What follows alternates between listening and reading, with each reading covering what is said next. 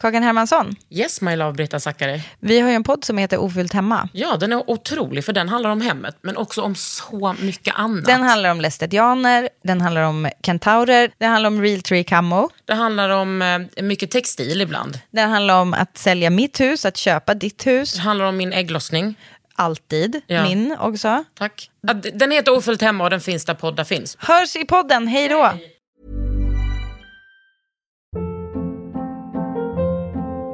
Hold up. What was that? Boring. No flavor. That was as bad as those leftovers you ate all week. Kiki Palmer here, and it's time to say hello to something fresh and guilt-free. Hello Fresh. Jazz up dinner with pecan-crusted chicken or garlic butter shrimp scampi. Now that's music to my mouth. Hello Fresh. Let's get this dinner party started. Discover all the delicious possibilities at hellofresh.com.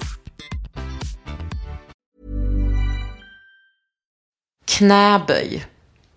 Heter en bok som Sara Martinsson har skrivit. Och idag är hon här för att prata om träning, kroppen, samhället, kvinnan, feminism. Ja, alltså allting som är intressant. Välkommen till Underhuden. Under huden med Kakan Hermansson.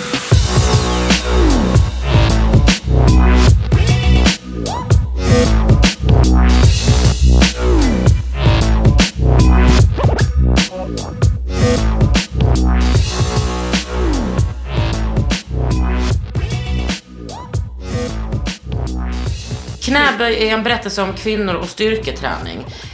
Det handlar om hur den enkla strävan att själv få bygga sin kropp och lyfta tungt har motarbetats och misstänkliggjorts. Och så vidare, och så vidare, Sara Martinsson. Och du har skrivit en bok om det. Och som är Augustnominerad. Spelar du in här nu? Ja. Ja, den är August-nominerad. Känns det otroligt att säga eller? Ja, det är sinnessjukt. Jag tycker fortfarande att det är sinnessjukt. Jag har vetat det, nu när vi spelar in så har jag vetat det i två veckor ungefär. Och jag har hängt upp det där diplomet på väggen i sovrummet så att jag ser det liksom när jag vaknar varje morgon. Och varje morgon när jag vaknar och tittar på det så här. Äh, det är för sjukt alltså. Det är, nu, jag har inte läst hela, men nästan hela. Det är alltså en helt otrolig bok. Tack så jättemycket för att du säger det. Och det är ju förmodligen då för att jag är väldigt smart. Alltså att du är smart. Framförallt. Att du är smart, det, det är liksom, det säger sig självt. Men att få läsa, jag vill ju att alla böcker ska vara på feministiska. Ja. Jag vill att alla böcker ska ha liksom en samhällsanalys. Och du har skrivit en bok om kvinnor och träning och kropp och klass och feminism. Jag är så glad för det. Nej, men också, jag menar, man behöver inte vara intresserad av att liksom lyfta tungt för att läsa den här. Nej, jag hoppas inte det i alla fall. Alltså jag, jag vet att så här, när man hör från liksom, när, när man får en bok presenterad för sig som så här, ja men det är en idépolitisk så här, bok om eh, kvinnor och styrketräning. Då låter det ganska, alltså det låter ganska komplicerat.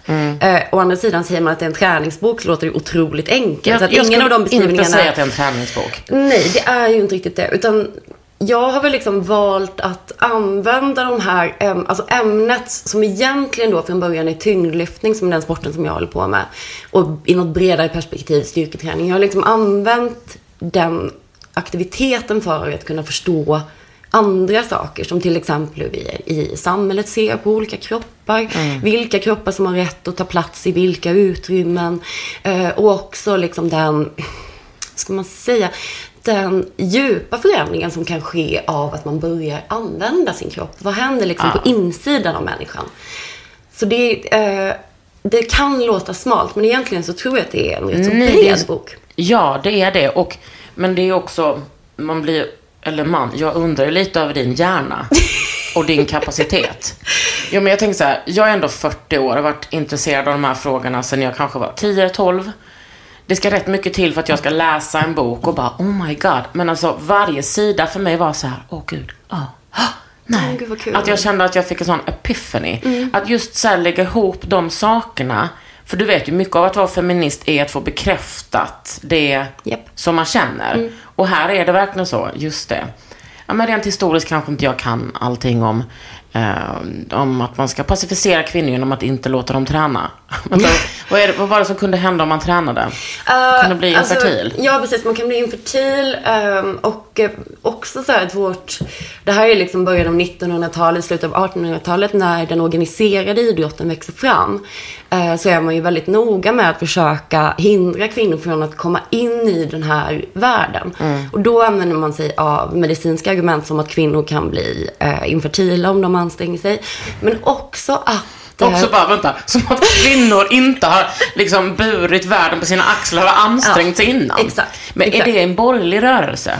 Det är, eller så här, det finns, det finns två olika spår. Det finns säkert fler olika spår också som idrottsforskare kan berätta mer om. Men det finns en, under den här framväxandet av idrotten så finns en arbetaridrottsrörelse som eh, grundar sig mycket mycket i eh, socialistiska ideal. Och att man tänker sig idrotten som ett sätt att Eh, bygga rörelse, alltså att eh, bygga eh, ett starkt arbetarkollektiv. Mm. Ja, precis. Men den rörelsen slås tillbaka under, framförallt, den har sina rötter i Tyskland till stor del och den slås tillbaka när nazisterna tar makten. Och där någonstans sker ju också det här eh, avpolitiserandet av idrotten som vi fortfarande lever med idag. När man pratar om att här, idrott och politik hänger inte ihop. Snälla, allt är politik. Ja, exakt. Ring um, oss två om du vill höra Ja, annat. jo, men verkligen, verkligen. Men det är liksom ett sätt, den retoriken är ju ett sätt att försöka hålla subversiva politiska krafter utanför. Mm. Så ni har inte plats här. Nej. Men vad i, i arbetarrörelsen, vad var arbetarrörelsens eh, liksom grund och orsak till att människor skulle motionera? Um, jo, men det handlade ju om att bygga uh, starka kroppar som skulle vara redo för att uh, driva arbetarrörelsens sak, mm. så att säga. Uh, Kanske också lite revolution, eller? Ja, men absolut. Och, och sen så sker ju liksom i den här, här växer också fackföreningsrörelsen fram till exempel. Fackföreningsrörelsen. nu, nu, nu tar Nu kom gott. kakan. Ja, verkligen. när fackföreningsrörelsen växer fram så får vi också till exempel arbetstidsreglering och då skapas fritid som mm. ett ämne. Som är liksom, eller fritid, det skapas en lucka i människors liv, eller framförallt mäns liv, som man kan använda till någonting. Mm. Till exempel att eh, tävla. Men det måste ha handlat väldigt mycket om alltså att reglera alkoholintag också. Mm. Jag kan absolut tänka mig, jag har inte tittat på det så mycket, men eh, det, allt det där hänger ju ihop. Alltså att arbetaren ska vara strävsam och arbetaren ska ju vara, vad ska man säga, han ska ju vara bildad också. Mm. På den här tiden så skulle man, man skulle både träna kroppen och läsa sin Marx. Precis, och sen så har ju liksom den borgerliga eh, his historien och eh, rörelsen eh, omformaterat bilden av arbetaren som dum och obildad. Exakt. Exakt. Ja, och det är ju verkligen någonting som har, ja men det sprids ju på hela, hela tiden. Ja, jag tycker att om man, så här, om man tittar på det svenska mediala landskapet till exempel. Det kom ju en sån där rapport från eh, Katalys för ett par år sedan. När man tittade på i vilka sammanhang ser vi arbetarklassen i TV. Ja, men, och vad har de på sig och hur Exakt. uttrycker de sig? Exakt. Och då är det liksom, ja men det är Lyxfällan, det är Biggest Loser, det är mm. den typen av program. Där mm. man visar upp arbetarklassen för att kunna skratta åt den. Mm. Eh, det där, det där pågår och hela, hela tiden. mycket av de här dokusåporna generellt liksom. Yep. Men det, jag kommer ihåg, min, min mamma är en typisk sån bildad mm. arbetarkvinna. Och hon berättade, det här var många år sedan, men hon var så jävla arg. Hon berättade att en av hennes dåvarande väninnor hade sagt till henne, Kerstin, du är inte arbetarklass, du, är ju, du läser ju böcker. Ah. Alltså vet hon, alltså vi, ah. eller båda vi brann ah. upp. Alltså, Vad är det mm. för, och, vad är det för bild mm. av... Och, alltså, hon är undersköterska, eller har jobbat som undersköterska hela, nat hela natten och min pappa är då akademiker. Mm. Um, men också hur hon har blivit behandlad i min pappas sammanhang. Mm, typ att mm. folk bara är helt ointresserade av henne. Ja. Och hon är ju lika smart som pappa, bara att hon inte har den utbildningen. Nej, det där är, det, det är någonting, det, ja, men precis, precis som att man försöker hålla kvinnor utanför idrottsrörelsen för att pacificera dem. Så försök, ha, försöker ju eh, de borgerliga krafterna alltid hålla arbetaren utanför mm. alla sammanhang där arbetaren kan göra typ skada. Liksom. Ja. Um, så, och det där är liksom, vi har ju ett ganska som samtalet är i Sverige idag så upplever jag det ganska fritt från eh, eh, diskussion om klass och Ja, hur klass herregud. påverkar oss. Eller alltså jag tycker vi, vi har, vi har ganska nära till slutsatser men inte diskussion. Mm, nej. Men det, jag tänker jättemycket på det när det kommer till eh, alltså svensk tv och film. Vad liksom maskörer Mm. och eh, eh, alltså scenografer och kostymörer har Mm. för ansvar. Och vem det är som, eh, vem de är, vad de har för klassbakgrund. Mm. de går liksom på STDH eller andra utbildningar. Vad har du själv för klassbakgrund? Men jag, har ju, jag är uppvuxen i en väldigt liksom, typisk arbetarklassmiljö där min mamma var den första i släkten som utbildade sig. Mamma är socionom. Ehm, men annars så var det, jag kommer från ett litet samhälle i Småland där det ligger glasriket. Så att det finns liksom en väldigt så här, traditionen av att arbeta med glas är väldigt eh, rik. Och eh, när alla glasbruken brann ner så byggde man ett, en fönsterfabrik i orten där jag kommer ifrån. Och där arbetade farfar, morfar, pappa. Allihop liksom. Men din pappa var också lite av en konstnär. Ja, men precis. Du har ju fått veta det nu för att du fick en present av mig. Min pappa började med konsthantverk som han, han pysslade med det de sista 20 åren av sitt liv. Typ.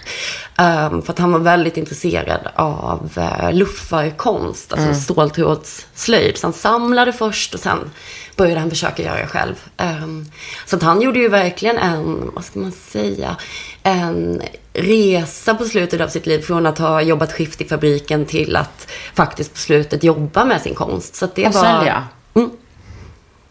Ja, men Det, är, mm, men vi, så jag kommer ju liksom från en... Även min mormor som var, eh, jobbade inom sjukvården var också eh, konsthantverkare.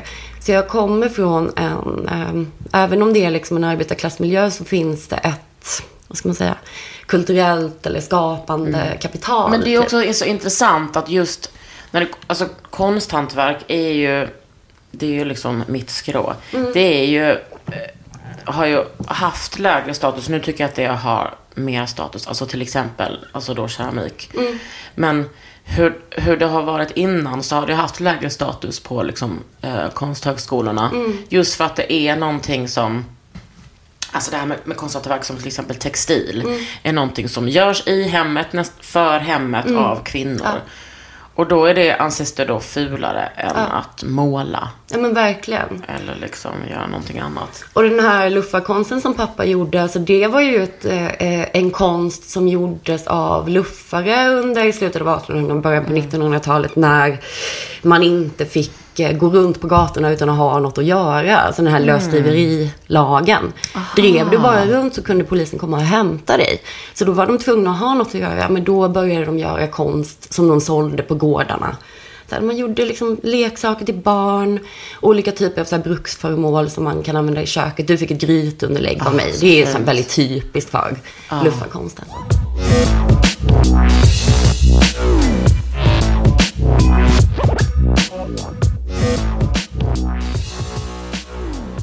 Vad tänkte du när du var liten och växte upp där? Vad tänkte du att du skulle syssla med när du blev stor? Jag minns himla väl att jag Tänkte att du skulle bli Augustnominerad? Exakt. Redan som femåring så... Eh, nej, men jag, jag minns så väl att jag... Eh, och det här är något som jag googlat på senare om det finns liksom på andra ställen. Men vi hade någonting på högstadiet som hette medicinsk syo. Hade du det? Absolut Det inte. är en så himla speciell grej. Medicinsk syn? Ja, då skulle man gå till skolläkaren som skulle ställa frågor om typ man hade allergier, man skulle få kolla om man, hade, om man var färgblind och eh, lite andra sådana där saker för att se vilket yrke man skulle kunna... Nej men sluta! Nej, det är sant. Det är sant. Eh, det kallas, I Lund kallades det rasbiologiska institutet, men jag vet inte vad det gör i Småland. Ja, men det var väl typ det. Men gud, hur gammal är du? Eh, men jag tror du är också 81 va? Ja. Ja, vi är lika, lika gamla. Wow. Ja, jag, jag, det- jag har googlat på det och försökt se om det liksom finns det här någon annanstans. Jättenyfiken. Om det är någon som lyssnar som Ja. också varit på medicinsk Ja, syo och så ja, vill jag ja. veta det här. Eh, men då minns jag att jag sa att jag ville bli författare. Och då sa den här danske doktorn att hmm, du kanske ska bli journalist. För det är lite mer av ett, det är ett, lite, lite mer av ett jobb. Typ. Ja, så gick det några år och så blev jag journalist och sådär. Så läste jag för ett tag sedan en bok av en kvinna som är uppvuxen i samma lilla by som jag. Fast 20 år tidigare. Och hon hade exakt samma erfarenhet från samma högstadieskola. Från samma medicinska syn? Nej, det här tror jag faktiskt var i, hon beskrev det som att det var i klassrummet, alltså att det var läraren som frågade, vad vill ni bli? Och hon sa författare och läraren sa, du kanske skulle bli journalist. Vad tänker du om det då? Att det är Det störigt? är, ja, det, det är absolut störigt. Eh, Men det är också, det finns en omtanke i det. Alltså att man Ja. inte vill skicka ut eh, de här ungdomarna i en, den väldigt otrygga miljön som ett konstnärligt yrke är. Nej, Liksom. det är vidrigt faktiskt. Ja. eh, Det är ju liksom väldigt, väldigt få. Det är ju lite som att så här, alla kan inte bli Zlatan. Liksom. Nej. Ehm, men nej, så jag tänkte ju att jag skulle bli journalist väldigt, väldigt tidigt. Blev journalist, pluggade direkt efter gymnasiet. Var pluggade du? Var? På Södertörn. Ja. Eh, så jag var färdigutbildad när jag var 21. Och eh, ja, har ju liksom inte ångrat mig någon gång, vilket jag har förstått är en sån otrolig ynnest. Liksom. Och också öppen för att någon, gång i, någon gång i livet kanske jag kommer på att jag vill bli, jag vet inte, Tyngdlyftningsproffs. tyngdlyftningsproffs. Tjäna pengar på det. Ja, för det är ju en väldigt lukrativ bransch det också. Speciellt för kvin- kvinnor kan jag tänka mig. Ja, men verkligen. Men, men när förstod du att du kunde vara författare också då? Nej, men det tycker jag nog fortfarande inte att jag kan. Eh, jag ser den här boken som... eh, för det första så hade den här boken aldrig blivit till om inte min kompis Hanna hade kommit på hela idén. Ehm, för så gick det till. Alltså vi läste... Vi tränade ihop och så hade vi liksom båda under väldigt många år fått den här frågan om vi har läst eh, Sven Lindqvists bok Bänkpress. Har du läst den? Nej, jag, jag läser inte så mycket manliga författare. Nej, ehm, den här kan jag ändå, jag kan rekommendera den Mm. trots jag har en den är kompis som har pratat om den rätt mycket. en kille eller? Gissa. Ja, för det är ju väldigt sådär, må- många killar som frågat en om man har läst den här boken. Uh, och så till slut så bestämde vi väl att här, men vi läser den och så pratar vi om den lite grann. Och uh, det var då som Hanna så alltså, här, för den här boken är väldigt, den handlar ju om styrketräningens historia och idéhistoria och den här intellektuella mannens egen uh, resa in i styrketräningsvärlden typ. Men det saknas ju kvinnor. Och då sa Hanna så här att, ja men om du borde skriva en bok som kan heta Knäböj. För om Sven Lindqvists bok heter Bänkpress och bänkpress ses som det liksom manliga styrkeprovet i gymmet. Så kan liksom motsvarande vara sagt om knäböj. Efter, och att knäböj då är det kvinnliga styrkeprovet. För att vi har starka ben. Ja, vi har större andel av vår muskelmassa fördelad till underkroppen. Jajamän. Ja, och eh, man kan också, alltså män är ju, eftersom att män har generellt mer muskelmassa på kroppen, så är män eh, på bredden liksom starkare än kvinnor i typ allt. Men det finns vissa så här, till exempel benpress, du vet man lig, ligger ner och... Jag älskar den övningen. Jag älskade den när jag var ung. Alltså fan vad jag köttade den. Men där kan man se att kvinnor faktiskt är starkare än män. Så det där är ju liksom jättespännande. Alltså ibland tänker jag så här, fan det är klart att män ska få ha lite mer muskler. Ja, något ska de ha. Ja, precis. Jag menar, kvinnor är ju så överlägset eh, mer intellektuella och smartare. De, vissa är säkert bra på typ så matte eller kanske Mm. så kan räkna ut någonting, någon fysik. Men jag menar, klart ni ska få ha lite muskler. nå- någonting. Oh, vänta, du ska få känna på en sak. Vad ska jag få känna på här nu? Här. Här. Känn här. Nu, kläm, Slå här, slå här. nu slår jag på kakan. Den är jävligt hård du. Visst är den sjuk? Nu har jag, nu har jag inte tränat på två och en halv vecka. Det är faktiskt helt otroligt. Tack, men det är ju också, jag har ju, min mamma har ju en otrolig röv hon alltså. har det? Nej men alltså, och du vet den generationen, hon är född eh, 53, den generationens kvinnor som bara, där man skulle se ut som Twiggy. Mm. Hon har bara gått och typ så, dratt en tröja över. Till slut en dag, jag bara, mamma, nu är det nog. Ja. Kvinnor opererar sig för att se ut så här, nu får vi fan bara äga den här röven. Jag och min syrra är helt avundsjuka för att inte vi var lika stora. Jag har ju inte en liten röv, men eh, jag har ju också Jag jobbar hela tiden för att den ska... Den har liksom kommit upp en våning. Ja, ja. Hur är din? Uh, är jag sitter på den nu så det är lite svårt att liksom Ja, men den är uppskatta, stark. Men den är, ja, jo, det skulle jag säga. Hur ser din egen eh, liksom styrkelyftsresa ut? Ja, alltså. Jag har ju också haft som de flesta kvinnor liksom lite svårt med kroppen liksom. Eh, och eh, också tyckt att jag, jag är ganska lång. Tyckt att jag varit så här generellt lite för, tagit för mycket plats i rum liksom. Så att jag hade någon slags idé om att jag skulle springa mig smal. Vilket jag också gjorde under ett antal år. Och eh, sprang sönder min rygg. Så jag Hur gör man det då? Eh, man eh, springer jätte- jättemycket, äter ingenting och eh, styrketränar inte alls. Typ. Så det är perfekt. Tänk liksom att det är en sån, det liksom ligger i vår som miljö-DNA. Att vi, ja det var då jag hade ätstörningar. Eller min ätstörning tog aldrig slut. Att det är Ja. så här, Nej, jag tror att om man också så här, har man någon gång, har man någon gång liksom tagit på sig den där blicken på sig själv så blir man liksom aldrig riktigt av med den. Och det jag har märkt som har hänt mig liksom när jag har brutit med det sättet att se på mig själv är att jag också så här direkt ser på andra kvinnor om de befinner sig på den platsen. Gud, jag också. 100 procent. Men hur bröt du med det då? Jag hade ju så jävla ont liksom. Och eh, de hotade med dem. Eh, olika läkare som jag var hos hotade med att man skulle behöva steloperera en kota och så. Det ville jag ju absolut inte. Så då började jag styrketräna. Och jag började med den här typen av ganska så tråkiga, lätta rehabövningar som man får av sin fysioterapeut. Hände ingenting, hände ingenting, hände ingenting Vad pratar vi för ålder nu då? strax innan 30 typ. 28 kanske, 29. Eh, och, eh, men så började jag liksom försöka lära mig lite mer och läsa lite. Så förstod jag att man ska lyfta, kanske ska prova att lyfta lite tungt. Började med det. Jag var i de här rummen där det var skivstänger och fria vikter och sådär. Och så en dag så såg jag en tjej som lyfte en skivstång från golvet upp till raka armar i ett enda lyft. Och det visste jag ju liksom inte då att det jag såg var ryck och att sporten heter tyngdlyftning. Men vad jag Ja. fattade var så här, det där, det ska jag lära mig. Ah, alltså för det ser ju nästan eh, eh, overkligt ut. Ja, det är Jag kan overkligt. fortfarande vara sådär när jag gör det. Hur gör jag det här? Ja.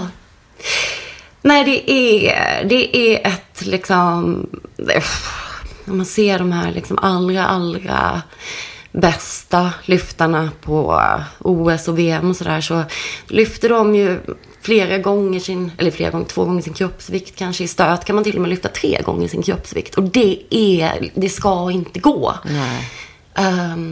Det är ett sånt otroligt liksom, samspel av så många funktion, förmågor i kroppen. Eh, att, eh, ja, nej, men det är otroligt fascinerande och det är jättesvårt. Vilket gör att det är en... Ja, men det har potential att vara ett livslångt lärande. Liksom. Ja, men det är det som är fint tycker jag också med väldigt många olika sporter. Det tar så jävla lång tid, vidrigt också. Men i det rummet som du befann dig då, eh, kan du inte beskriva det? Var det liksom, vadå lägger orden i munnen? Var det mansdominerat? eh, säg mig Sara, var det mansdominerat? Ja, men det är väl klart att det var som den här kvinnan som jag såg göra det där stack ut så otroligt mycket liksom. Det är ungefär tio år sedan och då har det liksom... Då har ju den här rörelsen av att kvinnor börjar, eh, inom citationstecken, ta plats på gymmet och börjar lyfta tungt och sådär. Den har ju liksom börjat. Men sen under de här tio åren ungefär som jag själv har hållit på så har ju det där eh, formligen exploderat. Om styrketräning är den snabbast växande träningsformen överlag så växer den ännu snabbare bland kvinnor. Så idag är det liksom Idag är det, skulle jag säga, men nu bor jag på Söder i Stockholm så att jag har ju också Det ska en inte ganska... du skämmas för gumman. Du, det gör jag verkligen inte. Jag är supernöjd med det. Eh, men jag har ju också en eh, begränsad bild av eh, hur det ser ut på det genomsnittliga gymmet, såklart. Men det är på ett annat sätt idag. Idag är inte kvinnor som lyfter tungt än någonting som nödvändigtvis sticker ut. Men alla de här liksom gamla eh, idéerna och strukturerna, eftersom att styrketräningen har vuxit fram bland män och de kommersiella gymmen också främst riktat sig till män. Alla de här liksom, idéerna finns ju kvar, fast under ytan. Och då blir de också på något sätt, alltså jag tycker typ jag tänker ofta så med så här, sexism gener- generellt. Att så här, är det in your face? Är det typ så här, en lag som säger att kvinnor får inte gå in i gym? Då är det liksom tydligt. Men när det rör sig i de här liksom, eh, vad ska man säga, diffusa nivåerna under ytan. Är det så mycket svårare att sätta fingret på. Ja. Men farligare. Ja, verkligen. För det är där som, det var det som jag pratade om liksom. Att man hela tiden behöver bekräftelse som feminist eller liksom som rasifierad eller när man hela tiden upplever förtryck. Eh, att bara, du, det, nej det här känns inte väl. Det är ingen fara. Nej. du inbillar dig, du är paranoid. exakt. Så man blir Exakt. matad med hela tiden tills man blir sjuk i huvudet. Jag började styrketräna när jag var 15. För att då var det liksom en lag var det ju inte, men det var så här, när man är 15 då får ni börja styrketräna, alltså mitt handbollslag. Och då var det ju liksom som att mitt liv förändrades, för jag blev så jävla stark. Eh, blev nog inte så mycket bättre på handboll faktiskt, men det var eh, kul att känna, jag har ju hela tiden haft den där grejen med handbollen att min kropp var till för någonting annat, inte bara att liksom bli, ehm, att vara typ nu höll jag på att säga snygg för killarna. Jag var aldrig snygg för killar. Jag var aldrig, kände mig aldrig, eller jag var aldrig snygg var jag, men du förstår vad jag menar. Att man inte bara växer upp och har en kropp som är till för att bedömas av eh, killar eller män eh, generellt. Men vi var så starka liksom. Och jag tycker att det fortfarande är så med att vara på ett gym. Ja. Och mitt gym nu. Alltså från att jag bara tränat med tjejer. Alltså det är så många killar på mitt gym. Det är, alltså, Vad är det för gym som du går på? jag går på ett gym eh, som heter SBR. De är också, har också en brasiliansk jiu-jitsu. Alltså det är en klubb liksom. Ja, det ligger på Söder. Vet du vad det är? Ja, jag vet det det. Det är jätte, jättefint verkligen. Precis, och det finns en på Söder och en på City. Och, jag är, och där har jag lyft ganska mycket. Tillsammans med Micke. Ja. Otroligt. Har du lyft med honom någon gång? Nej, det har jag inte. Det kanske man borde. Snälla, alltså gör det. Jag brukade lyfta måndagar klockan sju med honom. Då var det som att, eh, nej, han är otrolig. Eh, vi eh, lyfte och vi, sen så parallellt så hö- höll jag ett litet föredrag. Eh, För honom. Ja, för alla, För alla. som var på det passet. eh, nej, men det var väldigt eh, eh, mysigt. Vi brukade eh, prata om det passet som det neokommunistiska passet. Oh, där vi ja, försökte det här låter verkligen som något för mig. Ja, eh, nej men det var bara att vi orerade liksom. Men det, är- det är så jävla skönt att ha en person. Alltså jag, för att jag, till skillnad från dig, jag skulle aldrig bara gått in i ett gym och bara Halloj, ska jag lyfta tungt? Utan där har vi liksom, eh, där har vi honom som guidar en. Och som liksom är, är liksom varenda millimeter bara nej Kakan, du måste, du måste ha lite mer brett emellan. Eh, Ehm, och jag har ju också, sen har jag ju också haft eh, tränare och sådär. Så att jag tänker att om man är liksom, om man är intresserad av att ja, men typ handskas med en skidstång så är det ju jätte, jättebra att göra det först tillsammans med någon som kan. ja. Eh, inte bara för att det är så här, ja, men man behöver inte waste en massa år på att försöka lära sig själv. Utan också för att det är så här, ja, men det, att vara med någon i de här miljöerna legitimerar ju på något sätt också ens plats. Det blir lättare att komma in om man har någon med sig som är trygg där. Gärna en annan kvinna. Så. Ja, jag har ju också lyft med massa andra kvinnor. Men jag har sett nu liksom... eh, Det kändes liksom som att när jag började lyfta att det var, att det liksom var, kom som en trend för kanske eh, två, tre år sedan. Och sen så var det ju då tyvärr så att bredvid mig, på mattan bredvid, så tränade de brasiliansk jiu-jitsu. Och jag stod där och kollade och tänkte, vad fan är det där för galningar? Klipp till. Att jag började med det. Så, och de, de brottas exakt samtidigt som lyfteriet. Så nu har jag bytt lite. Men det där tycker jag är så himla intressant. För eh, Louise Sondlo, Det är min PT. Ja, men precis. Ja. Jag intervjuade henne en gång för ganska länge sedan och då beskrev hon liksom sin så här, hur hon hittade till brasiliansk jiu-jitsu och jag tyckte att den, så här, hennes sätt att beskriva det påminner så otroligt mycket om min egen. Ja. Mitt eget liksom så här, relation till tyngdlyftning. Att hon såg det där och bara så här, jag måste lära mig detta. Jag måste förstå hur det går till. Och det, det, precis så var det för mig också med tyngdlyftningen. Ja. Jag är ju sur varje dag för att jag tillät mig själv att börja på det där för att det är så jävla svårt. Ja, det är det va? Men det är fantastiskt. Men vad är det som är så svårt med det? Jag är nyfiken på. Alltså. Det är liksom som Louise brukar säga att det är som schack för, hjär- för kroppen. Det är liksom så mycket samspel mellan hjärnan och, eh, och kroppen på ett sätt som är som jag inte upp, som jag inte har upplevt inom, alltså det är klart jag har upplevt det när jag spelar handboll och när jag har lyft. Men det går, det är också, man ska också ehm, parera en annan hjärna liksom samtidigt. Och jag tycker fortfarande det är skitläskigt att komma till träningen och inte veta vem jag ska brottas med. Typ brottas med en främmande man. Eh, men det är... ehm, det är en så ödmjuk sport liksom. Sen vet inte jag hur det är. Jag kan tänka mig att det är annorlunda i Brasilien eller USA eller Tyskland. Alltså bara, men jag tror att... Alltså, när man kommer in, det är det bästa för mig är att när jag kommer in där på mattan så är man liksom ingen person. Det är så jävla skönt. Precis. Och att jag är sämst där typ. Alltså jag är liksom så ny. Glömmer du bort eh, tiden och typ omvärlden när du är där?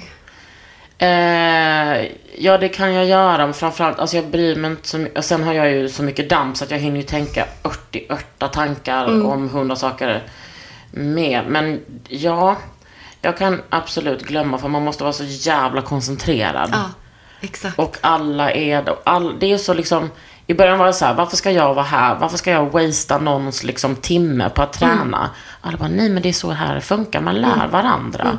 Och det tycker jag är en sån fin jättefint. solidarisk sport. Ja. Under huden. Selling a little or a lot?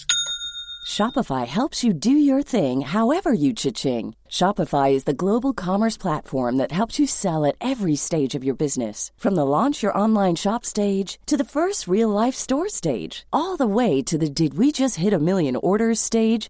Shopify is there to help you grow. Shopify helps you turn browsers into buyers with the internet's best converting checkout. 36% better on average compared to other leading commerce platforms because businesses that grow grow with Shopify. Get a $1 per month trial period at shopify.com slash work. shopify.com slash work. Ever catch yourself eating the same flavorless dinner three days in a row? Dreaming of something better? Well, HelloFresh is your guilt-free dream come true, baby. It's me, Kiki Palmer. Let's wake up those taste buds with hot, juicy pecan-crusted chicken or garlic butter shrimp scampi. Mm. Hello Fresh. Stop dreaming of all the delicious possibilities and dig in at HelloFresh.com. Let's get this dinner party started.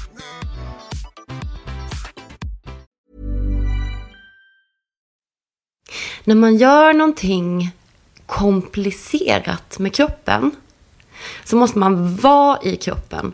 Man kan inte tänka så mycket på hur kroppen ser ut. Man kan egentligen inte tänka alls på det. För man måste fokusera på, ja men till exempel ska jag göra ett ryck så här. Jag måste känna efter, så här, var någonstans i foten har jag tyngdpunkten. Det är så många så här, små detaljer som jag måste hela tiden vara medveten om. Att jag eh, kropp, tanken grundar kroppen liksom.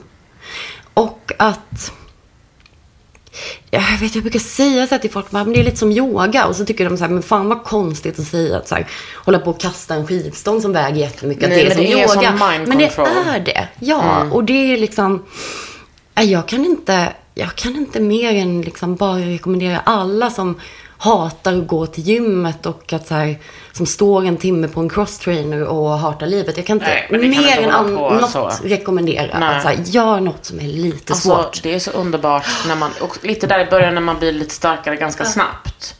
Men det är så roligt för liksom, det är så många av mina gamla punkkompisar som Mm. har börjat med det här. Det är otroligt många som är från liksom, ja, så här, autonoma vänstern Ja. som liksom tar över gym. Det är jätteintressant. Tyvärr, jag kan inte riktigt på mitt gym för det är lite fancy. Ja, det är lite dyrt Men- kanske. Det är lite dyrt.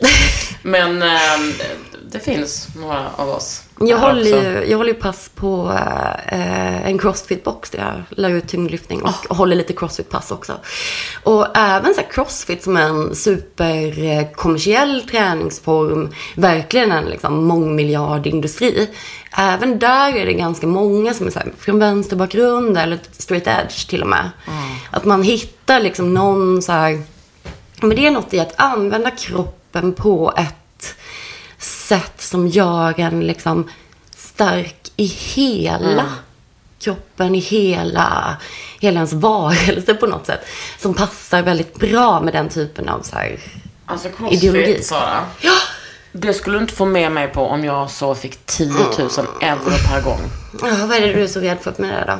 Rädd? Nej, jag är helt ointresserad. Ja. Jag tror att det är ganska, jag tror faktiskt att det är ganska likt en del av den träningen som du har gjort på ditt gym. 100 procent. Ja. Ehm, men däremot så finns det ju, och det är ju liksom jag den första att eh, hålla med om. Alltså det finns en hel del aspekter av eh, crossfiten som liksom, ja men som kommersiell idrott, träningsform och så vidare som inte är så himla soft och inte heller den här liksom, kopplingen till eh, militären. Den har ju så delvis inspiration från den amerikanska militären. Alltså det finns en hel del som Nej, är vet, jag- lite osoft. Nej, men jag kan också säga... Eh, bryr dig inte om det här. Eh, jag kan också säga att, alltså vadå, jag vill inte spela fotboll. Nej. Eh, jag vill inte spela volleyboll heller. Alltså, vissa saker behöver man liksom bara inte göra. Nej, så är det också. Uh, men jag har också tänkt på det där, nu när vi, nu när vi pratar så har jag tänkt på det här med handbollen. Att handbollen tänker jag också är en eh, feministisk eh, idrott ur den aspekten att kvinnor ganska länge har spelat handboll i Sverige. Att det är en av, en av få så här lagsporter där män och kvinnor har haft ett förhållandevis liksom, lika tillgång. Och också i de här, liksom, idag om man tittar på landslagen och så, så är ju kvinnorna minst lika framgångsrika som herrarna och sådär. Så där var det också alltid när vi växte upp. Men det var ju fortfarande så att vi fick mycket mindre pengar. Ja, även om vi såklart. var bättre. Ja. Vi kom också från en sån superfattig klubb. Mm. Eh, men, jo. Och där är det ju också... ehm, alltså det är inte som att det är så här.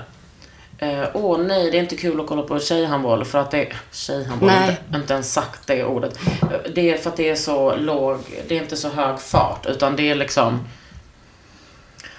Ja, och det är köttigt. Det är Ja. ont. Det är därför jag också tror att jag gillar så här jujutsun så mycket. För att Mm. man får ont hela tiden. Och det påminner mycket om handbollen. Ja. Ehm, nej men det där är... Det, Jag förstår att jag försöker locka in dig nu va? ja, handbollen, ja. Men Nej, i jujutsu. Jujutsu, Ska du inte bara komma och testa lite? Vi har Jo, gjort det tjejjujutsu. Absolut. Men din Det styrka skulle vidrigt. Och din längd, oj oj oj. Ja, det är ju den här räckvidden liksom. Mm. Helvete. jag brottades liksom med en tjej på den där torsdagsträningen som vi hade, tjejbrottningen. Så det var hennes andra gång och hon typ svepte mig som att, jag, att hon hade, aldrig hade gjort något annat. Ja. Uh, kränkande. Ja, men det där skulle säkert passa mig. Alltså grejen är den att eh, min kropp är ju på inget sätt lämpad för tyngdlyftning. Mhm. I tyngdlyftning är det en stor fördel att inte vara så lång och inte ha Mm. jättelånga ben. För ja, är du lång så måste du ju lyfta stången Ja. längre liksom. Eh, och det är också mer kropp att typ... eh, mer kropp att kontrollera. Mm. Är du lite mer kompakt så har du väldigt goda förutsättningar att bli bra. Mm. Men hur mycket tränar du nu då? Jag ligger på ungefär fem pass i veckan. Eh, och lite liksom, dra ifrån lite, lägg till lite. Lite beroende på också hur jag känner mig. Jag, jag börjar liksom känna att så här, innan har inte jag tyckt att eh, det här att liksom närma sig 40 har varit något som jag har känt i kroppen. Men nu på sistone så har jag undrat om jag liksom, ja ah, men det kanske ändå börjar komma lite grann. Man får vara liksom lite mer noga med sin alltså, återhämtning och sådär. Ja, lite så. Ja, men jag ehm, tror ju typ att jag är 17. Och så går jag till min otroliga naprapat Mauro som är så här, nej vet du vad Kakan. Nu måste du vila i tre veckor. Jag bara, ja. Tyvärr kommer jag inte göra det. Han bara, så du måste det? Jag bara, nej. Han bara, jo. Jag bara, va? Ja. Det där är jättesvårt. Alltså när man... Det där är också någonting med hur vi liksom pratar om eh, träning eller att använda kroppen. Så här, att allt samtal i, eh, i, de, i det breda lagret är så här. Hur kan du motivera dig bäst till att gå till gymmet? Så här får du träningen gjord. Eh, och det där gäller ju liksom inte oss som har det som... Som är med i sekten redan. Nej, exakt. För oss är det precis tvärtom. Att så här, bara, men hur ska jag kunna låta bli att Mm. gå till gymmet? Nej men jag kan ju alltså jag har så ont i höften, i axeln och nu då i knät. Mm. Att jag, ja men det går inte, jag kan inte träna sådär mycket. Men hur känns det då? Uh, alltså värst är det ju för min hjärna. Ja. Sen tycker jag också att det är tråkigt för jag vill gärna, gud vem, vem har jag blivit? Jag vill gärna vara på gymmet varje dag för att jag tycker om personerna där. Eh, och jag tycker om att svetta på mig och röra mig. Alltså för mig är det ju så här, det, jag behöver det för min hjärna. Och också lite känner jag som med BJJ, att jag är, jaha, men om jag började med det så sent, då får jag väl, alltså jag, jag kan inte förlora en dag på att inte träna. Exakt. Jag tycker inte heller att det är så farligt att träna en gång om dagen.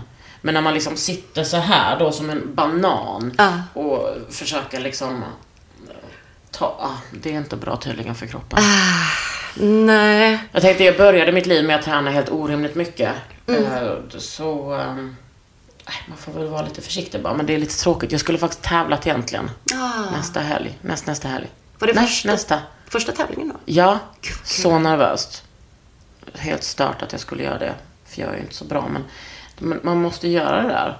Men också att alla är såhär, jo det är klart ska jag göra det. Alla kommer och kollar och tävlar. Men det var ju väl kanske lika bra för jag ska på Gröna Lund på halloween, halloween-grejen. Ja, då är det nog lika bra att du inte tränar. Nej, men, ehm, eller tävlar. Men det jag tänkte på också, det här med att liksom vilja vara på gymmet.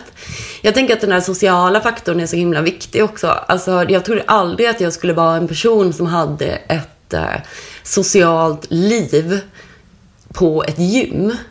Det tyckte jag ju lät jättekonstigt. Att så här, gå på gymmet, snacka med folk som tränar där.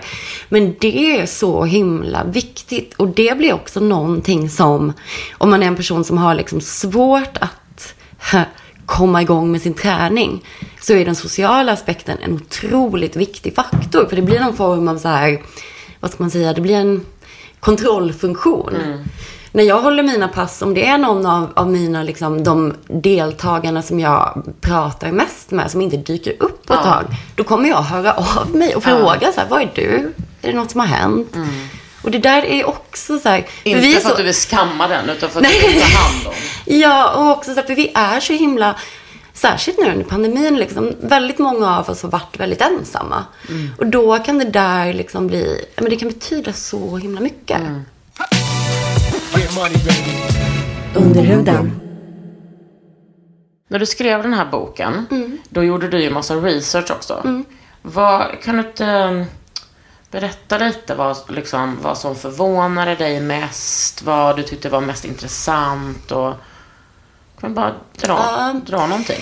Eh, det som var den absolut roligaste delen av researchen var ju kapitlet som handlar ganska mycket om, eller som handlar om styrketräningens historia. Inte för att jag var intresserad av att läsa om styrketräningens historia, utan för att jag var intresserad av att läsa om den kvinnliga styrketräningens historia och hitta starka kvinnor i historien. För att de har liksom inte de har knappt bevarats överhuvudtaget. De flesta av oss har sett bilder på cirkus, manliga cirkusartister som lyfter, men du vet de här stängerna med kulor på, står i någon så här trikå, en stor mage. Och det, det där är liksom en del av vår kulturhistoria på något sätt. Men nästan ingen har sett en kvinna göra den där saken. Alltså jag började ju undra, jag har undrat jättelänge, så här, fanns det inte?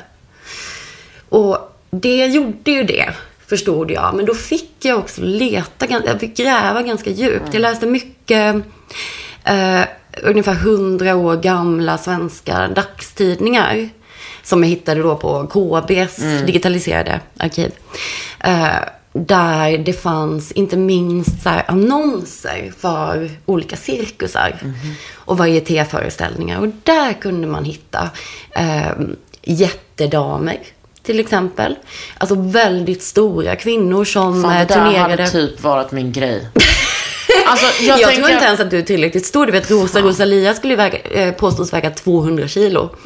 Så där har du lite... Men Måste, har du sett min bak? I och för sig, den väger 200 kilo. Ja, precis, bara den. Nej, men jag brukar tänka typ, vad skulle jag gjort förr i tiden? Häxa eller Stora Damen? Ja. ja, det är fett oklart alltså vad Mm. man skulle... Min morfar sa det till mig när jag fyllde 18. Sa han så här, ja, hade du varit född för 400 år sedan så hade man bränt dig på bål. Ja, 100 procent. Lite så. Alltså jag hade inte hunnit ta ett steg först och bara bränn henne. Surra fast några stenar på den där jäveln. Bara Sänk ner henne och se vad som händer. Blubb, blubb. Lite så. Ehm, Men det är ju skönt nu. Alltså, sen är det ju en, alltså, vi är också med om någon slags häx... eh, Vad heter det? häxjakt. Häxjakt. På, mer eller mindre liksom. Eller jag har absolut varit med i, i häxjakt. Men, Ja, men le- bara, bara att leva i det här samhället har ju vissa Ja. drag med det. Så. Ehm, nej, men ehm, de här hi- historiska kvinnorna var otroligt intressant att få fördjupa sig i. Just för att det är en historieskrivning som inte har... Jag har inte sett det någon annanstans. Jag ska inte sitta och säga så här, det här är den enda boken där du hittar det här. Men jag har inte sett det någon annanstans. Typiskt så ödmjuka kvinnor att säga så också. En manlig forskare skulle bara, i min bok, Veritas. Den är helt- den är helt unik. Men du, vad, någonting som jag tycker är så intressant är det där med bilden av kvinnor som jag kände hela, hela min uppväxt med att träna mycket eh, och inte få, att liksom bli stark och att det syns på kroppen. Mm. Att, att man, ju mer man efterliknar en, en manlig kropp, desto sämre är det. Mm. Alltså jag menar, så där ser det ut. Jag vet ju det av den lesbiska rörelsen och liksom bara livet i sig. Men eh, eh, vad hittade du där? Det, det finns en, eh, en intressant, ganska så ny studie som jag läste om eh, hur eh, idrottande tjejer eh, gör femininitet. Och där är det en forskare som har tittat på eh, framförallt sim, simmare, tonåriga simmare, hur de gör sin femininitet. Och där kommer det ju fram det här att, precis som du nämner, att liksom i skolan eller i samhället så ska man vara smal och fin och i simhallen ska man vara muskulös. Alltså de här två går inte riktigt att gifta samman. Nej. Men det som jag tyckte var spännande där var att den här forskaren hade kommit fram till att de här eh, flickorna eh, skapade inom sin gemenskap en egen femininitet, en idrottsfemininitet. Där de tillsammans bekräftar varandra för de här eh, eh, ut, utvecklingen av kroppen ifrån ett eh, samhälleligt kvinnligt ideal. Hur kunde det se ut då? Uh, jag kan inte redogöra för det i liksom detalj, men, men det finns i boken i alla Men fall. alltså, menar du att de, att de bekräftade varandra utifrån eh, att vara, eh, vad ska man säga, normativt antifeminina? Eh, att vara kanske ehm, eh, normativt simmare.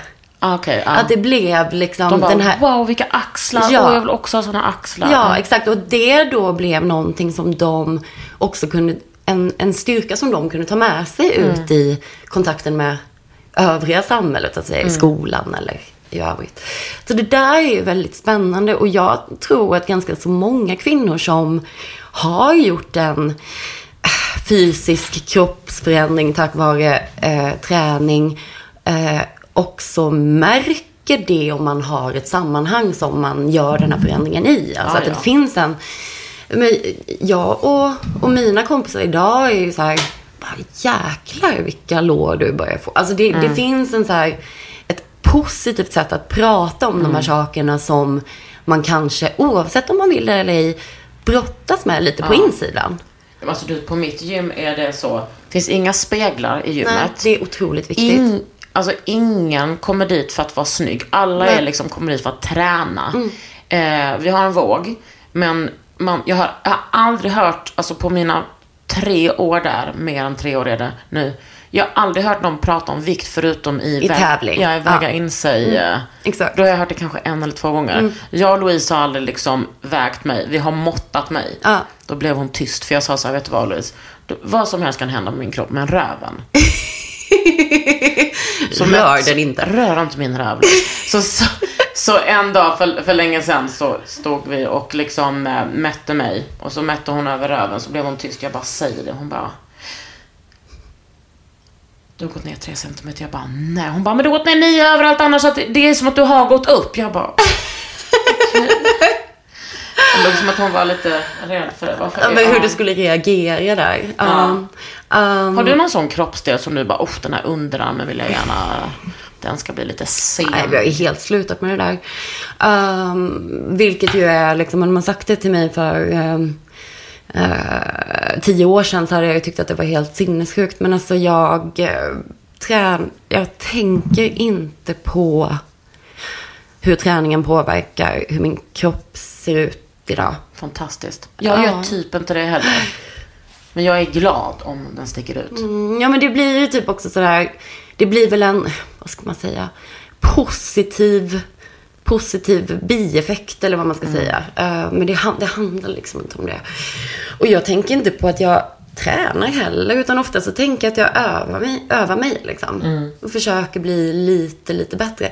Men jag tänkte på en sak, det här med speglar som du sa, att det inte finns några speglar på ditt gym. Det är liksom en av mina så här, eh, käpphästar av saker som jag så här, vill lyfta fram, som jag skrivit om i boken. Just det här med speglar och det lilla man vet om hur negativt spegeln påverkar eh, människors möjlighet att känna sig bekväma i gymmet.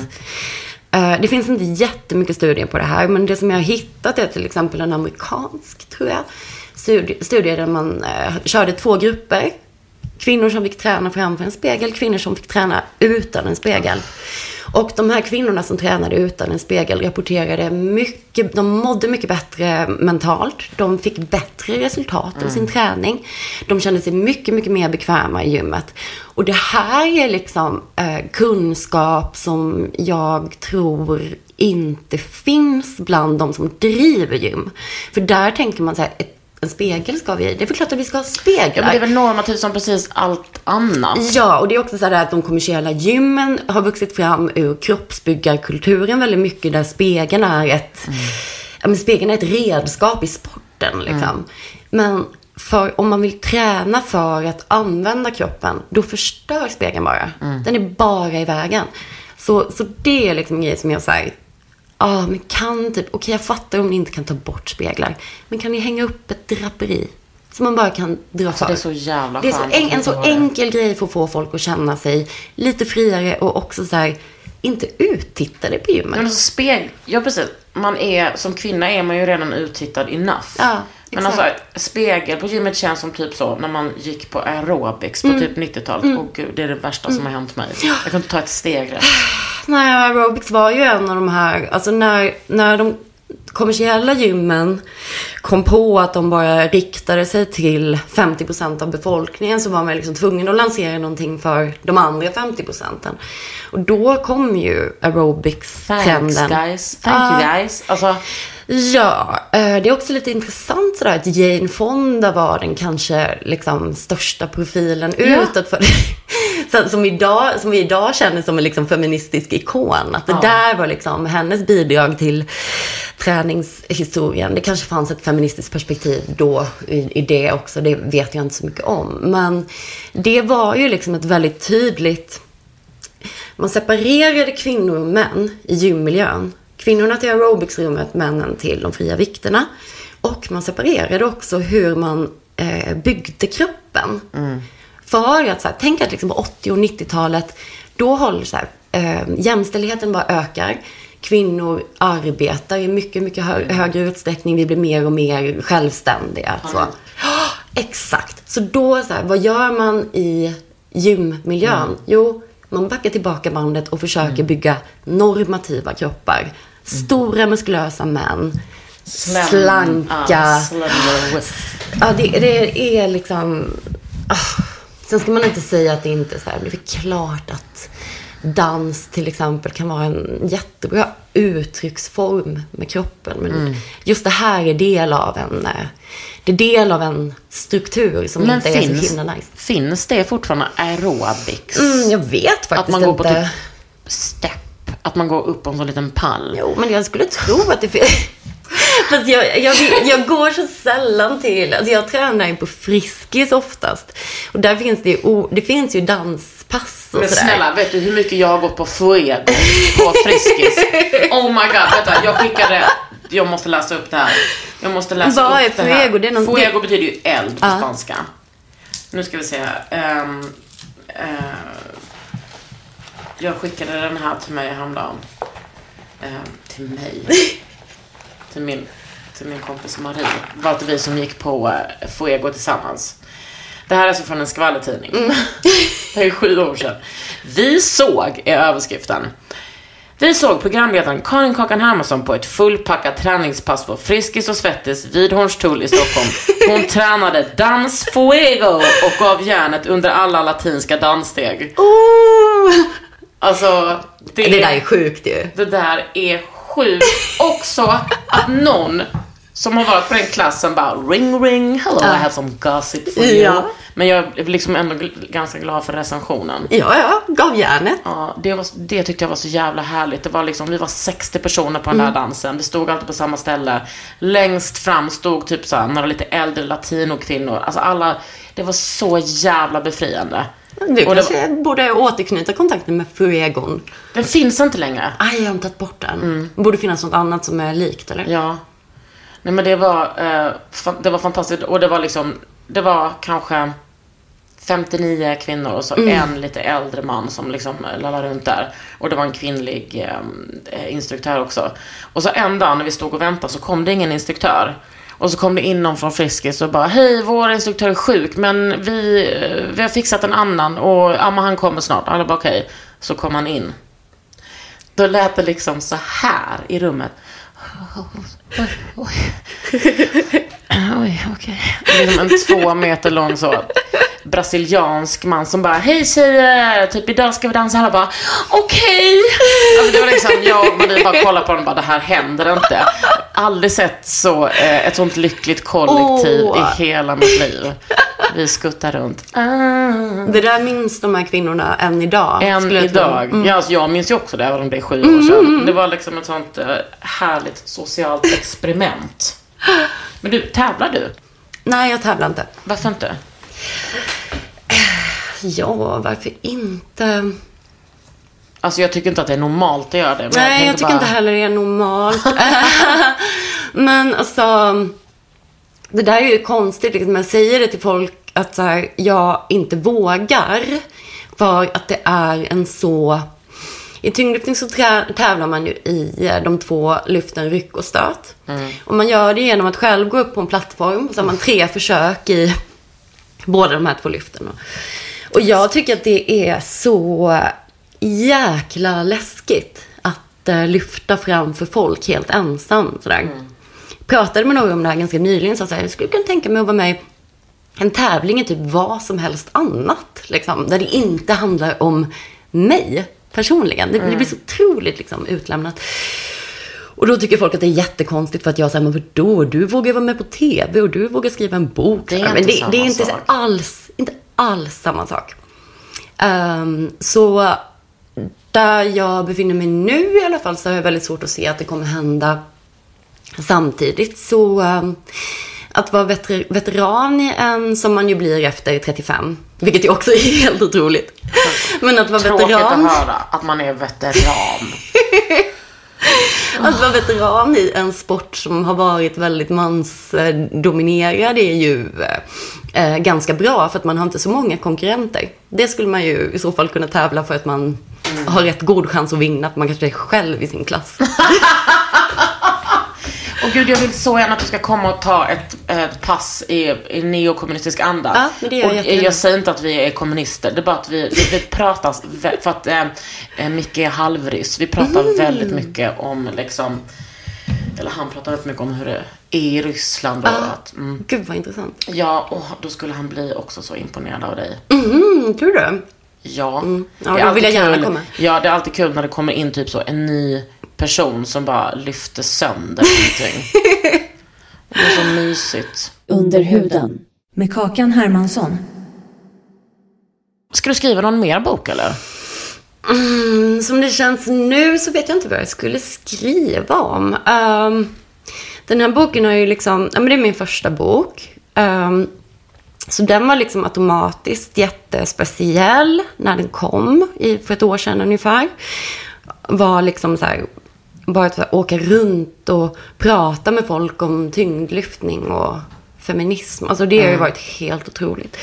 Och sen nu när den blev Augustnominerad så var det som att den så här, fick ännu lite mer liv för mig. Den känns så speciell så att jag, jag, jag är en väldigt lojal person. Den känns så speciell så att om jag ska skriva en annan bok så skulle jag känna typ så här, nu sviker jag lilla knäböj. Jag vet inte. Vi får men, se. Men liksom vad gör du annars då? Du, jobbar du på en specifik tidning eller frilansar? Nej, jag frilansar. Eh, ett eh, underbart sätt att arbeta när man har ett intresse som man vill lägga ganska mycket av sin tid på. Eh, för att jag frilansar och att jag också styr min egen tid nästan helt själv. Det gör ju att jag kan träna så mycket som jag vill.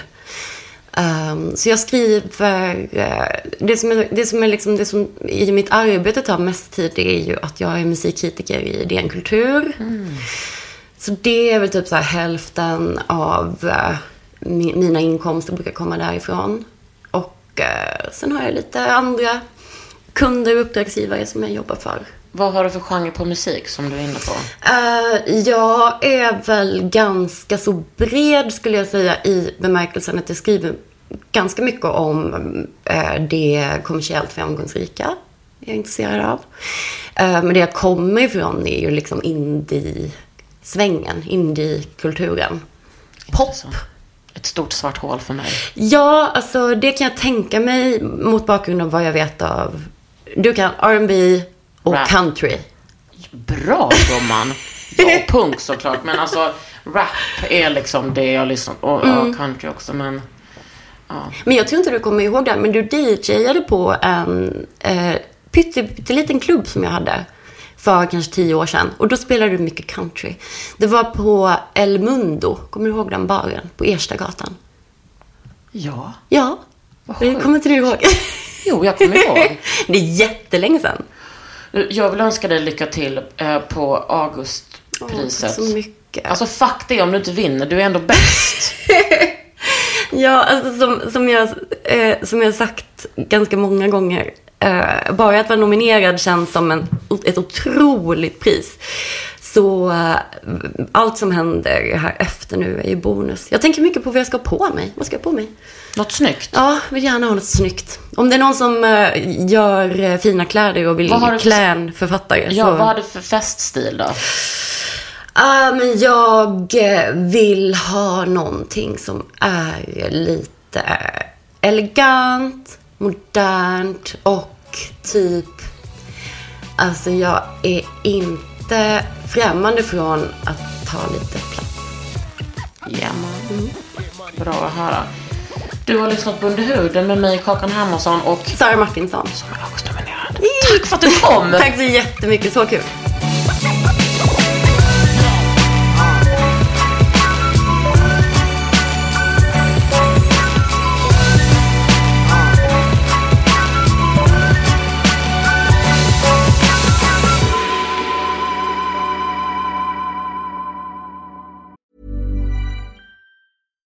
Deserves the best, and there's no better place to shop for Mother's Day than Whole Foods Market. They're your destination for unbeatable savings, from premium gifts to show-stopping flowers and irresistible desserts. Start by saving 33% with Prime on all body care and candles. Then get a 15-stem bunch of tulips for just $9.99 each with Prime. Round out Mom's menu with festive rosé, irresistible berry chantilly cake, and more special treats. Come celebrate Mother's Day at Whole Foods Market.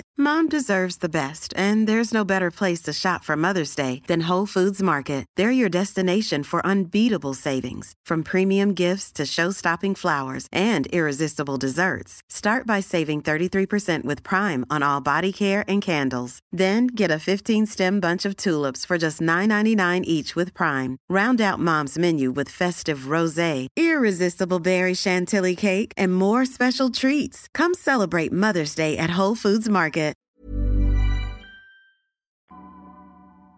En podd från Allermedia.